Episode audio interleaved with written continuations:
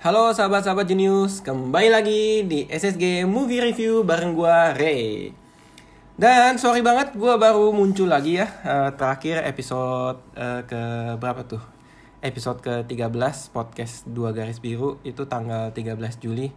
Hari ini tanggal 21 Juli berarti udah sekitar 8 hari gua baru nge-podcast lagi ya. Maaf banget teman-teman karena gua ada kesibukan side job. Tapi nggak apa-apa, gue menyempatkan diri untuk uh, membuat ulasan film yang baru gue tonton.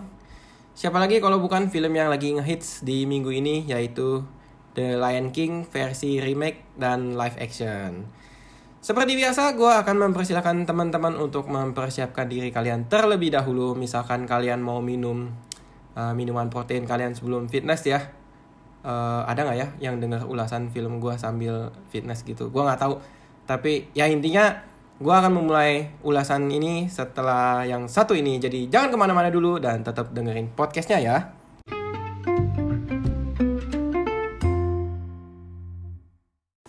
Oke, gue udah balik dan seperti biasa gue ditemani dengan satu botol minum berwarna hitam gue yang gue isi dengan air dingin ya. Karena ini botol minum stainless steel, jadi uh, tetap bisa menjaga kesegaran airnya sepanjang gue podcast.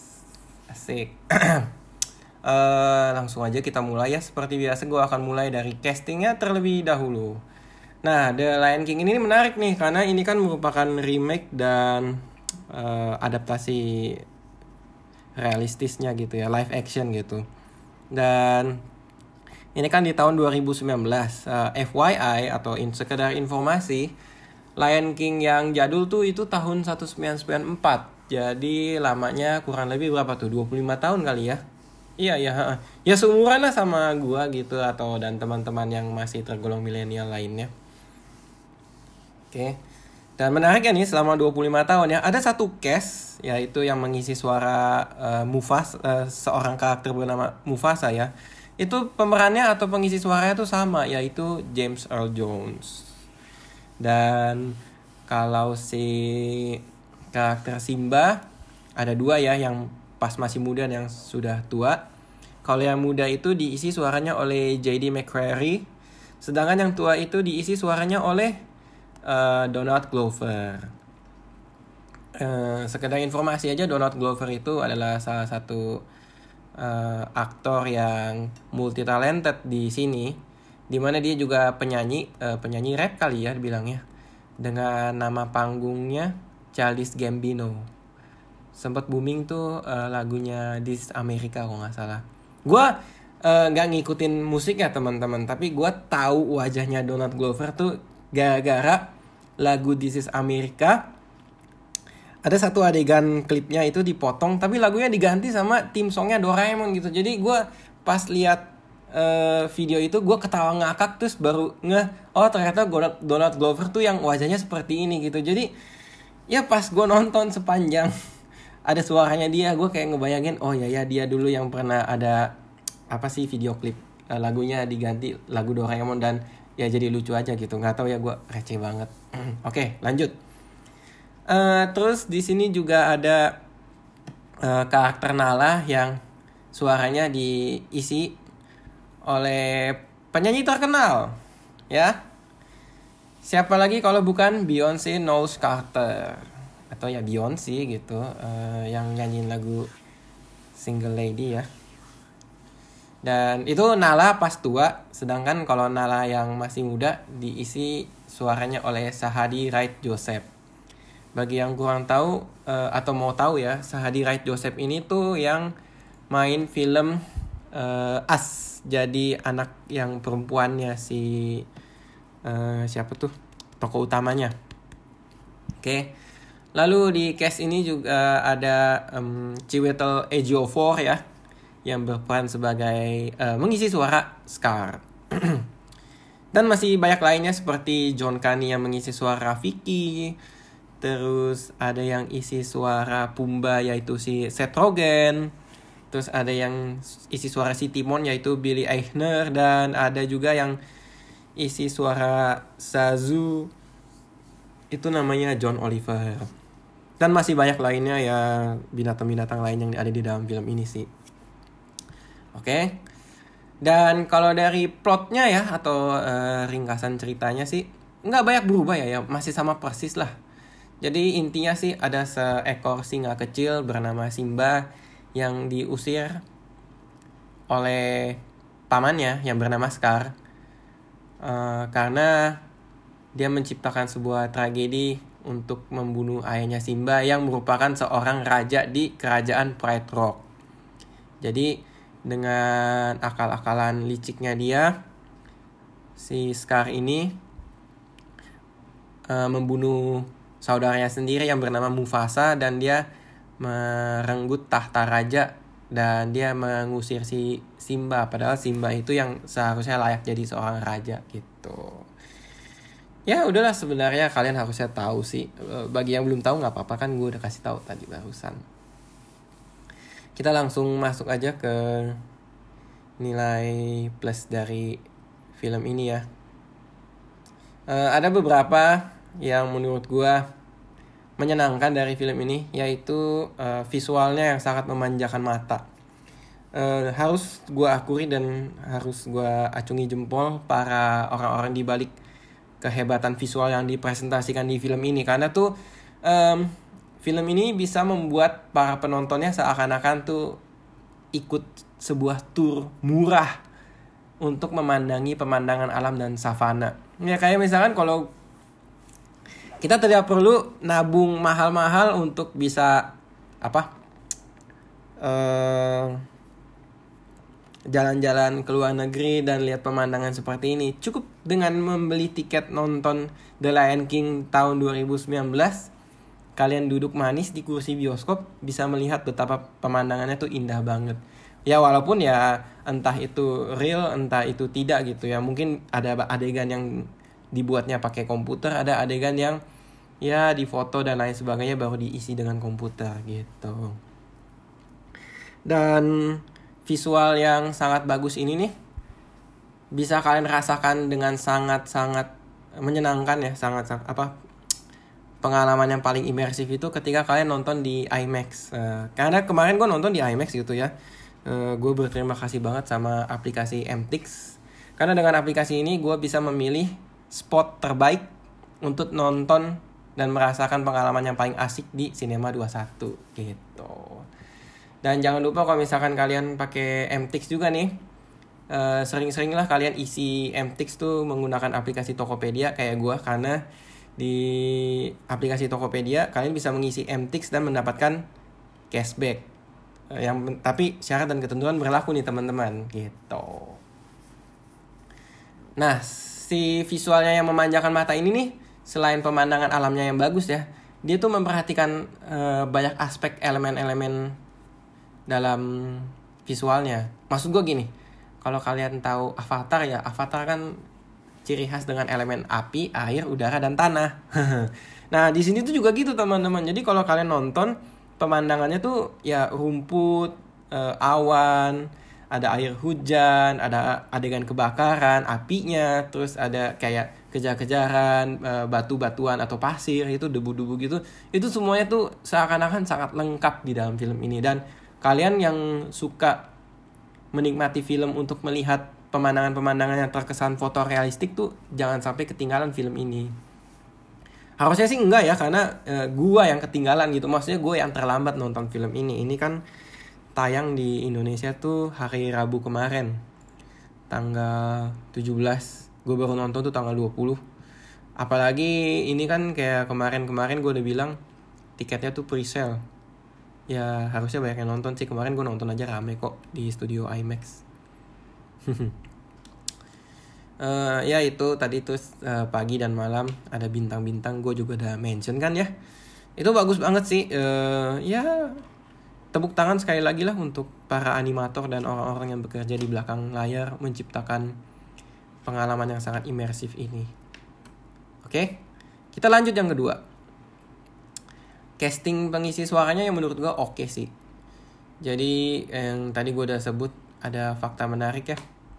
Pengisi suaranya si Mufasa atau bapaknya Simba itu masih sama sama dengan yang film jadul gitu. Selama 25 tahun lamanya suaranya tidak terlalu berubah. Suaranya si James Earl Jones gitu ya. line-line dan quotes-quotes kalimat-kalimat cantik dari Mufasa itu juga masih mirip dengan film jadulnya. Jadi selain inspiratif juga menimbulkan efek nostalgia. Terus kalau si Chiwetel Ejiofor juga ya dia menggambarkan suara-suara sesosok orang yang licik gitu di dalam film ini which is good gitu ya dia bisa apa sih ya mirip lah sama si Jeremy Irons pas di tahun 1994 mengisi suaranya si Scar ini dan ada Donald Glover dan Beyonce yang ya chemistry dan pengisian suaranya cukup ekspresif lah di dalam film ini oke okay. Duh, gue ngomong kayaknya kecepatan ya di episode kali ini ya. Mohon maaf nih teman-teman.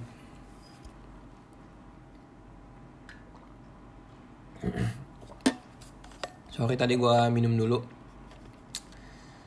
Um, apalagi sih nilai plus dari film ini? Oh ya, um, ini remake dan adaptasi live action yang 90% mirip dengan film kartunnya. Di mana scene-scene penting yang emosional itu digambarkan dengan sangat baik di sini gitu. Jadi ya pada saat mereka membuat remake tuh gue merasa tim pembuat remake ini membedah dulu nih. Uh, mana yang mana yang penting dan bisa menggugah emosi para penontonnya. Ini tuh kita harus perhatiin paling penting di dalam film remake ini. Dan gue rasa cukup berhasil ya. Jadi um, gue nggak tahu nih ini jatuhnya spoiler atau nggak. Jadi ya kayak adegan awal pemandangan bagus dan pada saat menunjukkan bahwa Simba itu ada upacara terkait dengan Simba itu tuh bagus gitu. Jadi ya binatang-binatang yang ditampilkan itu urutannya kurang lebih mirip sama urutan di tahun 1994 gitu. Jadi pertama ada badak habis itu ada gajah habis itu ada burung bangau dan lain sebagainya ya itu ditampilkan lagi di sini. Dan yang adegan kedua yang benar-benar mencabik-cabik emosi para penonton ya ketika si Mufasa itu meninggal gitu. Jadi ada adegan kejar-kejaran atau stampede ya uh, apa sih ada binatang yang dalam keadaan panik lari-larian di uh, sebuah lereng. Itu tuh juga keren banget menurut gua. Jadi kayak lari-larian kan gedebak-gedebuk gitu di dalam lereng yang ada batu-batuan dan pasir. Itu debu sana debu sini tuh ya gua merasa kalau gue ngelihat sekawanan hewan berlari di dalam keadaan seperti itu ya bisa sekacau itu gitu. Dan ya itulah good job banget tim animatornya di sini. Bisa bagus gitu. Lucunya ketika si Simbanya teriak tidak! gitu. Kayak di tahun 1994 terus kayak ada shot kameranya itu ya mirip gitu. Kalau kalian perhatiin nanti kalian mungkin berpikir iya juga ya gitu.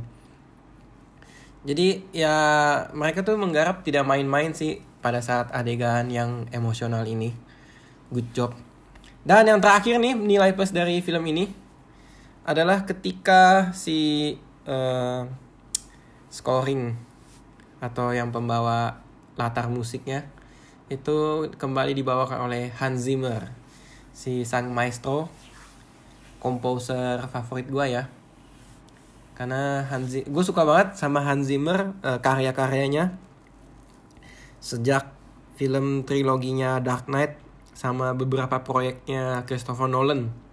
Lainnya kayak Interstellar, Inception, Dunkirk dan masih banyak lainnya. Itu tuh kayak ya kalau kalian dengar Hans Zimmer itu ciri khasnya seperti itu. Dan kalau kalian perhati nih teman-teman ya walaupun sama sama Hans Zimmer juga tapi tuh ya karyanya dia di tahun ini tuh ada sedikit modifikasi. Jadi kayak lagunya sama tapi dibawakan lagi dengan arrangement yang sedikit berbeda uh, ada kesegaran dan warna-warna baru di dalam melodi lagunya gitu. Oh, eh, gue ngomong apaan sih ini? Intinya ya kayak walaupun karya yang sama tapi si pembuatnya ini nih dia tuh punya effort untuk menciptakan suasana baru dan tidak meninggalkan originalitas lamanya. Ya begitulah ribet ya kalau gue nge-review. Tapi um, apa ya bilangnya ya? Hmm, kalau kalian lihat di Spotify gitu ya, kalian bisa lihat sih uh, sepaket albumnya Hans Zimmer gitu yang Lion King yang tahun 2019 sama yang 1994 gitu. Uh, kok gue jadi bengong ya?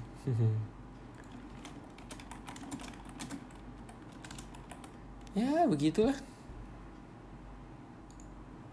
kalian bisa cari sih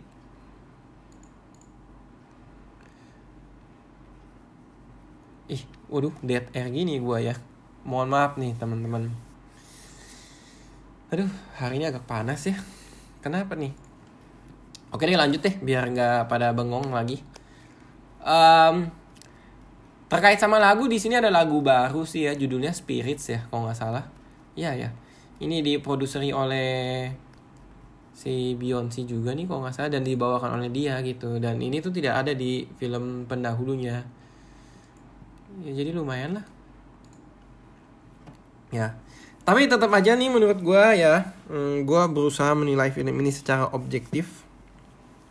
Um, di film ini tuh ketika dia mencoba menonjolkan sisi bahwa film ini akan dibawakan secara realistis sekali itu tuh mengundang sepaket konsekuensi yang ya bisa jadi membuat beberapa fans itu kecewa dengan perubahan-perubahan elemen bercerita yang ada. Oke, kita bahas satu persatu. um, kita mulai dari pada saat film ini ketika dia menonjolkan sisi konsekuensi yang realis eh apa aduh ribet gue sorry ketika film ini menonjolkan aspek realistisnya konsekuensi yang pertama tuh jadi eh, ada adegan-adegan yang harusnya gembira di dalam film ini tapi tuh eh, warna kegembiraannya jadi hilang eh, berkurang bahkan sampai dengan hilang. Jadi kayak keredam gitu atau tertekan. Gue kasih contoh kalau misalkan nanti kalian nonton atau bahkan udah nonton ya setuju nggak kalian sama uh, pemikiran gue gini nih? Kan Simba sama Nala sempet tuh lari-larian sambil nyanyi kan buat supaya apa hilang dari pengawasan Zazu. Di situ kan adegan nyanyi nyanyinya itu ya itu kan sambil dikasih lihat doang kan. Dia itu lari di mana Eh, memasuki kawanan hewan-hewan lainnya. Kalau di film ini ya udah gitu lari-larian biasa aja yang gue lihat. Tapi sedangkan kalau di filmnya 1994 seingat gue nih adegan itu tuh dia gambarkan bener-bener kayak ya anak nakal mau lari dari pengawasnya dan pada saat berlari sambil nyanyi nyanyiannya tuh diakhiri dengan saat apa dengan phrase ya atau ref terakhir dari apa dari lagunya dengan nada atau tarikan suara yang panjang diimbangi dengan adegan yang sangat tidak realistis yaitu sekawanan hewan bertumpuk dengan hewan lainnya membentuk suatu menara gitu dan di atas menaranya itu ada si Simba sama Nala. Coba kalian ingat-ingat deh, ini seingat gue ya. Jadi pas uh, mereka mau nutup lagunya, ending dari lagunya itu kan dinyanyiin. Tapi dinyanyiin sama Simba sama Nala tuh ya pas di atasnya uh, tumpukan binatang kayak gajah, terus ada jerapah, terus ada burung unta, baru ada dia gitu. Terus kayak si Zazunya ada di bawah dan intinya kejepit sama uh, badak kalau nggak salah ya, kejepit sama badak terus udah kabur mereka. Nah, adegan yang kayak gitu kan nggak mungkin kejadian di film yang menampilkan sisi realistis ya nggak sih? Tapi uh, menurut gue tuh kayak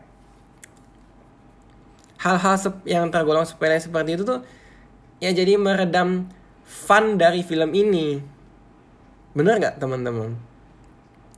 Terus lagu yang kedua yang pasti Scar itu ketemu dengan Hyena merencana, merencanakan uh, sepaket rencana jahatnya untuk me geser Mufasa dari tahtanya gitu dan dia kan nyanyi-nyanyi juga kalau di sini adegannya ya nyanyi-nyanyi biasa aja. Sedangkan kalau misalnya di film kartun dia itu nyanyi tapi ya penuh semangat dan kejahatan kelicikannya itu ditampilkan dari ekspresi si Scar ini. Terus lagunya juga diakhiri dengan tarikan panjang yaitu si Scarnya naik sebuah batu yang batunya tiba-tiba membentuk suatu menara juga gitu diikuti oleh hiena-hiena di sebelah-sebelahnya. Dan menurut gua ya sisi fun dari situ tuh menghilang karena dia kayaknya uh, PR-nya adalah membuat film ini super realistik gitu. Jadi ya satu dengan adanya realistis tuh ada kesenangan atau fun yang harus keredam, hilang gitu. Dan lagi nih uh, beberapa orang yang gue baca sih reviewnya dan lain sebagainya, gue setuju sama mereka uh, dan ini merupakan konsekuensi yang barangkali bisa berujung memecah pendapat penontonnya ketika dia realistis aspek yang terbuang adalah emo emosi raut wajah dari setiap tokoh karena kan belum ada sejarahnya kita lihat kita bisa bedain uh, singa yang ini lagi senang sama singa yang ini lagi sedih dari raut wajahnya bener-bener banget sedangkan kalau di kartun kan ada adegan Mufasanya jatuh, Simbanya nangis tuh netes air mata beneran gitu di kartun. Nah kalau di film ini mereka terkesan tuh ya komat kamit mulut aja dan itu kalau berulang dan lain sebagainya untuk jangka panjang jangka waktu yang lama ya itu jadi bosen dan ya kita bisa predik adegan-adegan selanjutnya dan lain sebagainya gitu. Dan gini loh teman-teman ini FYI aja. Kalau film yang 2019 itu durasi waktunya 118 menit. Jadi satu jam 58 menit. Eh bener gak sih gue bisa ngitung kan ya? 118 60 menit sama 58. Iya, jadi 118 menit. Sedangkan nih teman-teman ya. Kalau film yang jadul yang tahun 1994 itu tuh durasinya malah setengah jam lebih cepet. Ya itu 1 jam 28 menit gitu. Jadi kayak ada 30 menit nih kita disuguhkan adegan yang di dalamnya tuh pasti ada adegan ya kita hanya memperhatikan binatang komat kamit. Jadi kayak ada 30 menit tambahan tuh terkesan relatif lebih lama dan bagi orang yang udah tahu ceritanya bisa jadi tuh nyerempet-nyerempet ke batasan mereka mengatakan film ini membosankan. Gitu. Gak tau ya, ini kan pendapat gua nih. Kalau gua merasa film ini sih nggak membosankan, cuman jadi ada tambahan waktu seperti ini tuh membuat bertele-tele gitu please jangan pukulin gue ya. Kalau kalian ternyata suka banget sama ini terus nggak setuju sama pendapat gue ini kan hanya pendapat gue gitu ya. Soal semua orang bebas berpendapat tapi yang penting pendapatnya penuh tanggung jawab gitu. Gue seneng kok kalau misalkan teman-teman mau diskusi ah enggak ah, itu perasaan lu aja ya ya udah gue minta maaf gitu. Dan apa sih? Tadi kan gue di nilai plusnya kan remake yang sama persis 90% ya. Berarti ada 10% dari film ini yang nggak sama dengan 1994 nih. Nah, ketika adegan ini eh, ada beberapa adegan yang tidak tahu sama ini, menurut gue juga jadi kayak apa ya? Mengurangi nilai estetik dari film ini. Contohnya, kan ada si adegan Simba baru ketemu Nala pas dewasa gitu diiringi dengan lagu Can You Feel the Love Tonight. Tapi lagu ini tuh dibawakan di adegan siang menuju sore kayaknya ya. Jadi kayak eh, kalau di film kartunnya seingat gue tuh sore menuju malam. Jadi cocok lagunya Can You Feel the Love Tonight. Apakah kamu bisa merasakan cinta malam ini? Nah, kan kayak pas adegan itu dinyanyiin, gue kayak merasa loh malam tapi ini pemandangannya masih ada matahari siang-siang gini nih menuju sore. Gitu. Jadi kayak mungkin miss di situ kalinya. Gue nggak tahu deh kalian setuju atau enggak jadi kayak gue merasakan ada keanehan sih di sini.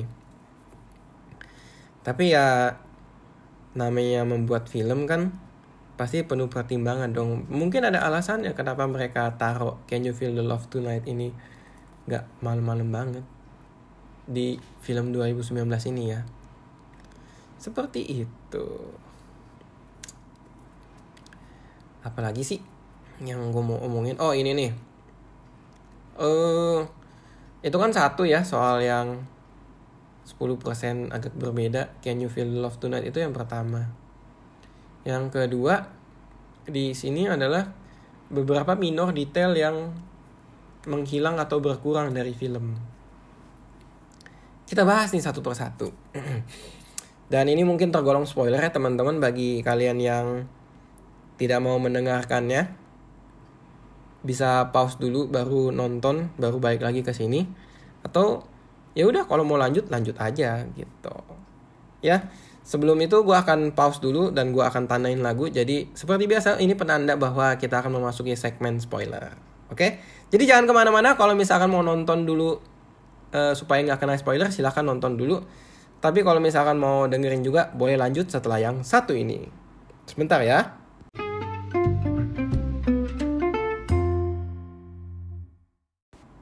Oke, sahabat-sahabat Genius, gue udah kembali dan akan segera memulai sesi spoiler. Dan nanti setelah sesi spoiler gue akan membacakan moralnya yang harusnya kalian sudah tahu ya dari apa film ini tuh moralnya apa sih gitu. Oke kita mulai yang pertama. Uh, spoiler karena ada sedikit beberapa karakter yang berubah di sini. Hmm, kita mulai dari karakter yang harusnya sih gue sangat suka ya yaitu si Rafiki. Di film Lion King 2019 tuh sosok Rafiki agak berubah menurut gue kayak screen time-nya berkurang kemistisannya juga berkurang gitu ya. Mungkin yang bertambah itu adalah e, bagaimana dia baga caranya bagaimana dia tahu Simba itu masih hidup kayak kalau di 2019 kan potongan rambutnya tuh terbang. Terus ke mana-mana mana-mana mana entah itu jadi apa dimakan sama jerapah jadi kotoran terus uh, masih awet rambutnya terus rambutnya dibawa sama siapa siapa siapa sampai berujung di tangan Rafiki dan Rafiki kayak bilang apa merasakan oh ini Simba nih masih hidup gitu. Sedangkan kalau misalkan yang di 1994 kayaknya tergolong sangat singkat banget gitu. Jadi kayak si Simbanya tiduran debunya terbang. Terus ya dia bisa merasakan aja hawanya Simba masih hidup gitu. Wah itu kan hebat sekali gitu mistis banget. Jadi kayak karakternya apa sih screen time-nya berkurang. Menurut gue itu bisa mempengaruhi karakter development untuk menuntun Simba menjadi sosok yang lebih dewasa di dalam film. Tapi ya nggak gimana gimana banget lah ya sama ini ya sih yang sangat disayangkan adalah tongkatnya Rafiki yang tidak ada ikatan buah-buahannya. Kalau kalian perhatiin di film yang jadul tongkatnya itu selalu dibawa ke mana-mana dan diikat dengan beberapa buah-buahan yang bentuknya bunda jadi kayak bola ya. jadi um, bola-bola itu kalau nggak salah bisa buat si bayi Simba pas Simba masih bayi itu kayak dimain-mainin kayak anak kecil punya apa anak kecil balita punya pajangan yang bisa diputar-putar di atas tempat tidurnya.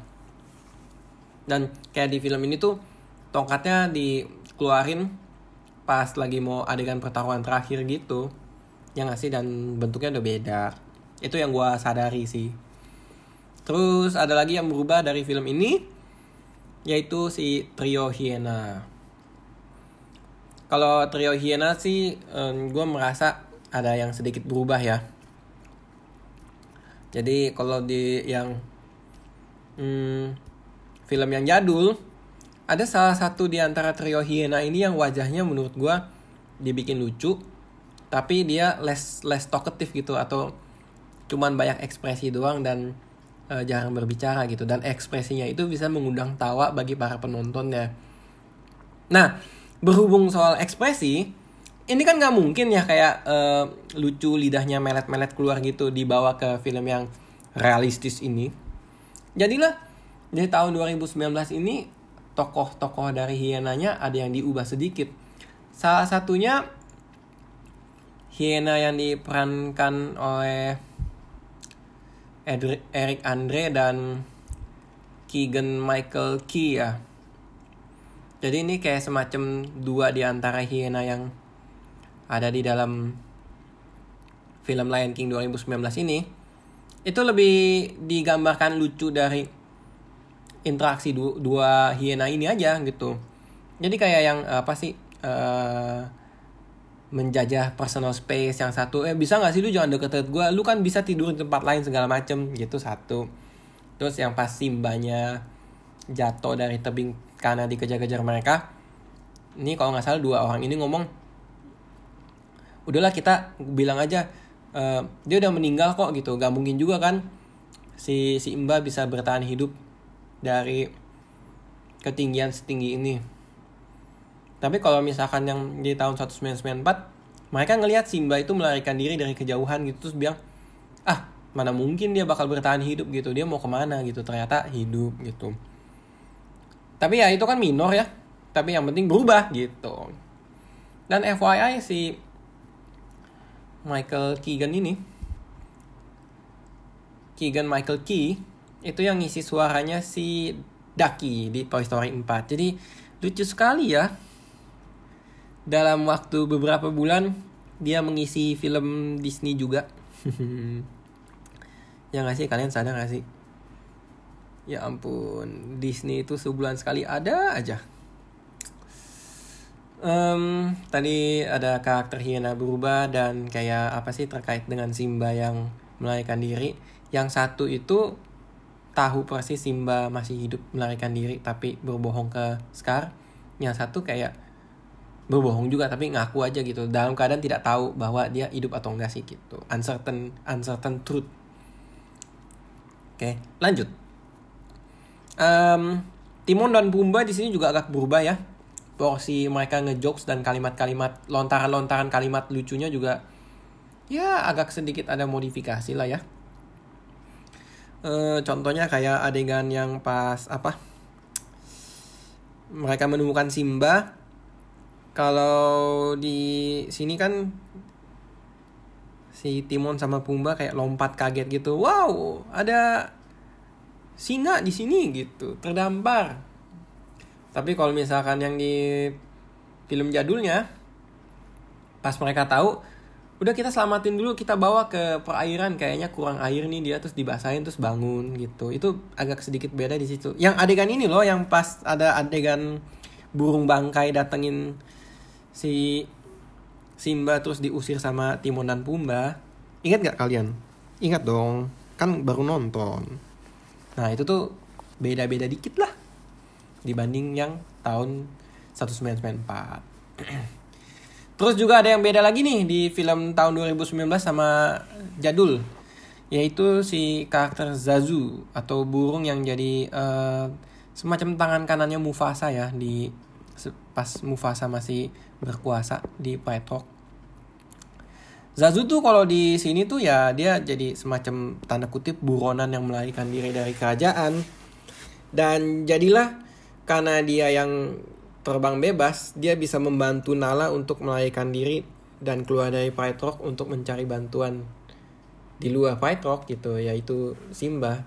Jadi kan kalau di tahun 2019 nih film yang kemarin atau baru aja kalian nonton, um, kan ada shot yang berbeda adalah shot tambahan sih mungkin ya dibanding animasi sebelumnya. Nala tuh kan mencoba melarikan diri tapi kayak hienanya tuh masih aktif patroli dan lain sebagainya. Dan dengan adanya Zazu Zazu tuh membantu Nala dengan jadi umpan gitu. Jadi kayak mengalihkan perhatiannya mereka terus Nalanya kabur deh. Nah kalau di film yang jadul nih teman-teman seingat gue Zazu itu dikurung sama si Scar. Jadi ya nggak akan bisa lah jadi kejadian adegan seperti yang di film sekarang. Itu yang beda lain yang gue temukan tadi dan menjelang babak akhir film untuk memercik konfliknya si Scar dengan ibunya Simba itu tuh kayak ada subplot yang agak dibedakan di film yang sekarang sama yang dulu. Kalau yang sekarang ya saya ingat gue teman-teman itu kan ya saya inget gue sih baru aja nonton harusnya masih inget. Kalau yang di sini sekarang marah-marah nyuruh si siapa sih namanya? Saribi ya namanya. Ya ya. Dia kan nyuruh Saribi untuk jadi ratunya dia di Pride Rock. Secara simbolis tuh kayak ngajak makan bareng di sebelah. Tapi dia nolak. Jadi berantem. Sedangkan kalau di film yang jadul kawanan singa-singa ini nih yang diketuai oleh Saribi yang gak suka sama Scar dia itu kan tanda kutip diperbudak untuk berburu makanan. Nah, mereka tuh kasih tahu si Scar bahwa makanannya sudah habis, kekeringan, gak ada air dan lain sebagainya. Jadilah mereka berantem, ditampar, si Saribi terkapar jatuh, barulah muncul si Simba menyelamatkan. Ya gak sih? Coba deh kalian ingat-ingat lagi atau ya nonton lagi lah film yang jadul. Ada sedikit beda yang menurut gua kelihatan tuh di situ tuh. Subplotnya beda. Yang satu nggak mau jadi ratu yang satu kekurangan sumber daya alam kekeringan dan lain sebagainya. Nah sama ada satu lagi yang berbeda dan barangkali ini salah satu fakta menarik juga ya teman-teman. Ketika si Timon dan Pumba membantu Simba menuju uh, apa sih tempatnya si Scar. Jadi kan Timon sama Pumba tuh berperan sebagai pengalih perhatian hiena-hiena yang bertugas berpatroli di bawah. Bukan naik di atas batu-batuannya tuh. Nah kalau yang di film ini kan kemarin dia kayak semacam mentis lagunya Beauty and the Beast. Ya nggak? Yang Be Our Guest itu loh. Kayak tampilin ayo di makan kita dong dan lain sebagainya. Terus mereka kabur dikejar-kejar. Diikutin sama hienanya.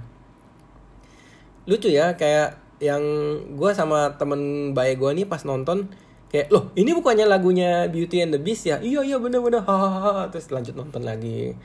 Nah kalau yang 1994 ya adegan ini tuh agak berbeda di mana si uh, Timon dan Pumbanya tuh kayak ya inilah pakai kostum hula dan lain sebagainya. Terus kayak ada apel digigit di mulut gitu-gitu ya. Namanya kartun lah ya. Sedangkan kalau yang ini kan realistik gitu. Itu tuh beda tuh satu maksudnya satu hal lagi yang beda ya di situ. Dan apalagi ya? Udah deh kayaknya itu aja ya yang beda yang maksudnya perbedaan-perbedaan yang bisa gue temukan dan ya kalau misalkan teman-teman ada yang mau tambahin boleh lah discuss gitu chat ke gue dan lain sebagainya via sosial media. Kita mah seneng-seneng aja lah denger review dan nge-review film. Kalau nggak salah di film Lion King 2019 ini juga ada cameo ya. Cameo dari Dumbo. Karena Dumbo itu kan seekor gajah. Di dalam film ini kan juga ada gajah. Hehe nggak nggak bercanda gue aduh jangan di ini dong. Kayaknya garing banget ya bercanda gue ya. Ya ada gajah yang bentukannya mirip sama Dumbo tapi ya telinganya nggak segede Dumbo gitu ya mungkin kan mereka habis bikin Dumbo di tahun ini ya dipakai aja iniannya. Apa sih? Uh, semacam animasinya gitu. Ya ya jadi mirip gitu ya. Ya udah nggak apa-apa. Itu terus apalagi sih yang menarik dari ini? Udahlah kayaknya itu aja ya. Fakta menariknya kan tadi gue udah sebutin tuh. Yang pertama pengisi suara Mufasa masih sama persis. Si James Earl Jones. Terus scoring dari Hans Zimmer masih sama. Terus tadi ada apa?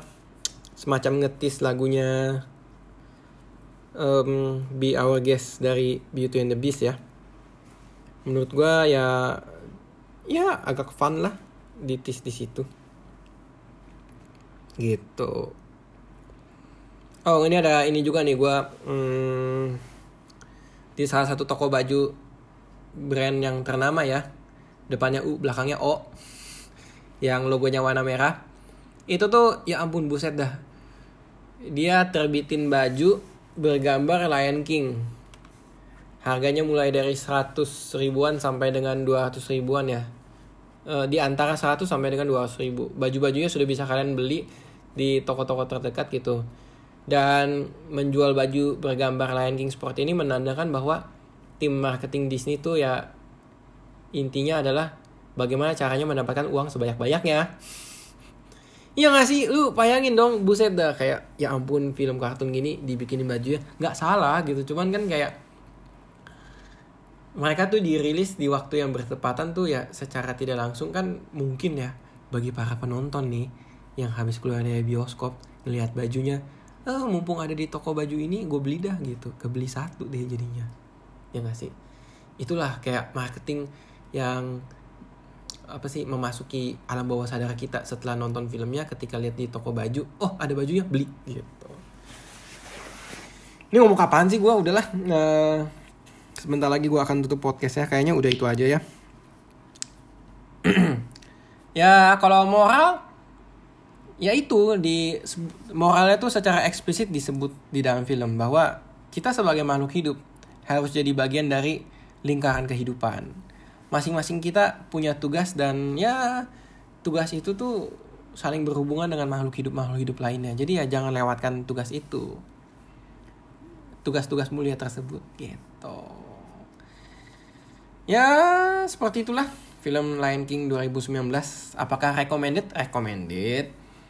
Uh, tapi gue menggarisbawahi bahwa film ini ya tergantung penikmatnya lah ya kalian mau menikmati visual atau kalian mau menikmati cerita atau kalian mengekspektasi ada perubahan-perubahan tertentu ya itu sesuai selera masing-masing mungkin ada yang seneng mungkin ada yang kurang seneng tapi ya udahlah ya namanya sebuah karya di balik karya itu ada usaha-usaha banyak orang dan orang-orang yang mengerjakan karya ini pasti menghabiskan waktu berjam-jam. Tolonglah di appreciate. Ya. Oke, sekian dari gua. Sebentar lagi gua akan pamit undur diri dulu. Jadi uh, jangan lupa untuk follow podcast ini. Terima kasih banget yang menantikan podcast ini, mendengarkan review gua, mendengarkan bacotan-bacotan review gua ya. Semoga kalian tetap terhibur dan mohon maaf banget kalau episode yang ini gue agak terlambat. Karena gini teman-teman, gue kasih tahu dari awal dulu deh. Kalau gue diajakin nonton sama temen dan kebetulan gue bisa, gue dahulin temen gue. Tapi kalau gue nggak diajakin, barulah gue nonton sendiri. Dan ketika gue nonton sendiri, biasanya gue nonton di uh, deket-deket hari penayangan ya, misalkan awal atau satu dua hari setelah penayangan. Gitu. Oke, okay? Jangan khawatir di bulan ini masih banyak film yang bisa kalian tunggu ya. Ada tiga nih yang tersisa. Di tanggal 24 bakal ada film Stuber yang diperankan oleh Dave Bautista dan Kumail Nanjiani serta Iko Uwais yang menjadi antagonis. Uh, si film Stuber ini tuh kemarin udah midnight tapi gue nggak kuat lah ya capek gue jadi ya udahlah gue nontonnya nanti aja tanggal 24 terus mudah-mudahan Once Upon a Time in Hollywood ya. Itu semoga tayang di bulan ini. Gue lupa tanggal pastinya. Mungkin di tanggal 26 atau tanggal 31. Tapi nggak tau lah, mudah-mudahan tayang bulan ini. Yang diperankan oleh si Leonardo DiCaprio dan Brad Pitt serta Margot Robbie. Itu. Dan ada satu yang nggak boleh kalian lewatin bagi kalian pecinta franchise-nya Fast and Furious. Siapa lagi kalau bukan spin-off-nya uh, Fast and Furious Hobbs and Shaw. Jadi Hobbs itu diperankan oleh Dwayne The Rock Johnson, sedangkan Shaw itu diperankan oleh Jason Statham dan kedatangan aktris baru yaitu enggak baru juga sih maksudnya baru di franchise itu yaitu si Vanessa Kirby dan uh, mendatangkan Idris Elba sebagai tokoh antagonis atau musuhnya. Oke? Okay? Udah sih itu sekian pengumuman dari gua ya udahlah ya gue pamit undur diri dulu gue Re sampai jumpa di episode podcast berikutnya salam dan semoga hari-hari kalian setelah mendengarkan setelah mendengarkan podcast ini tetap menyenangkan ya gue pamit undur diri dulu. Dadah dan sampai jumpa di podcast selanjutnya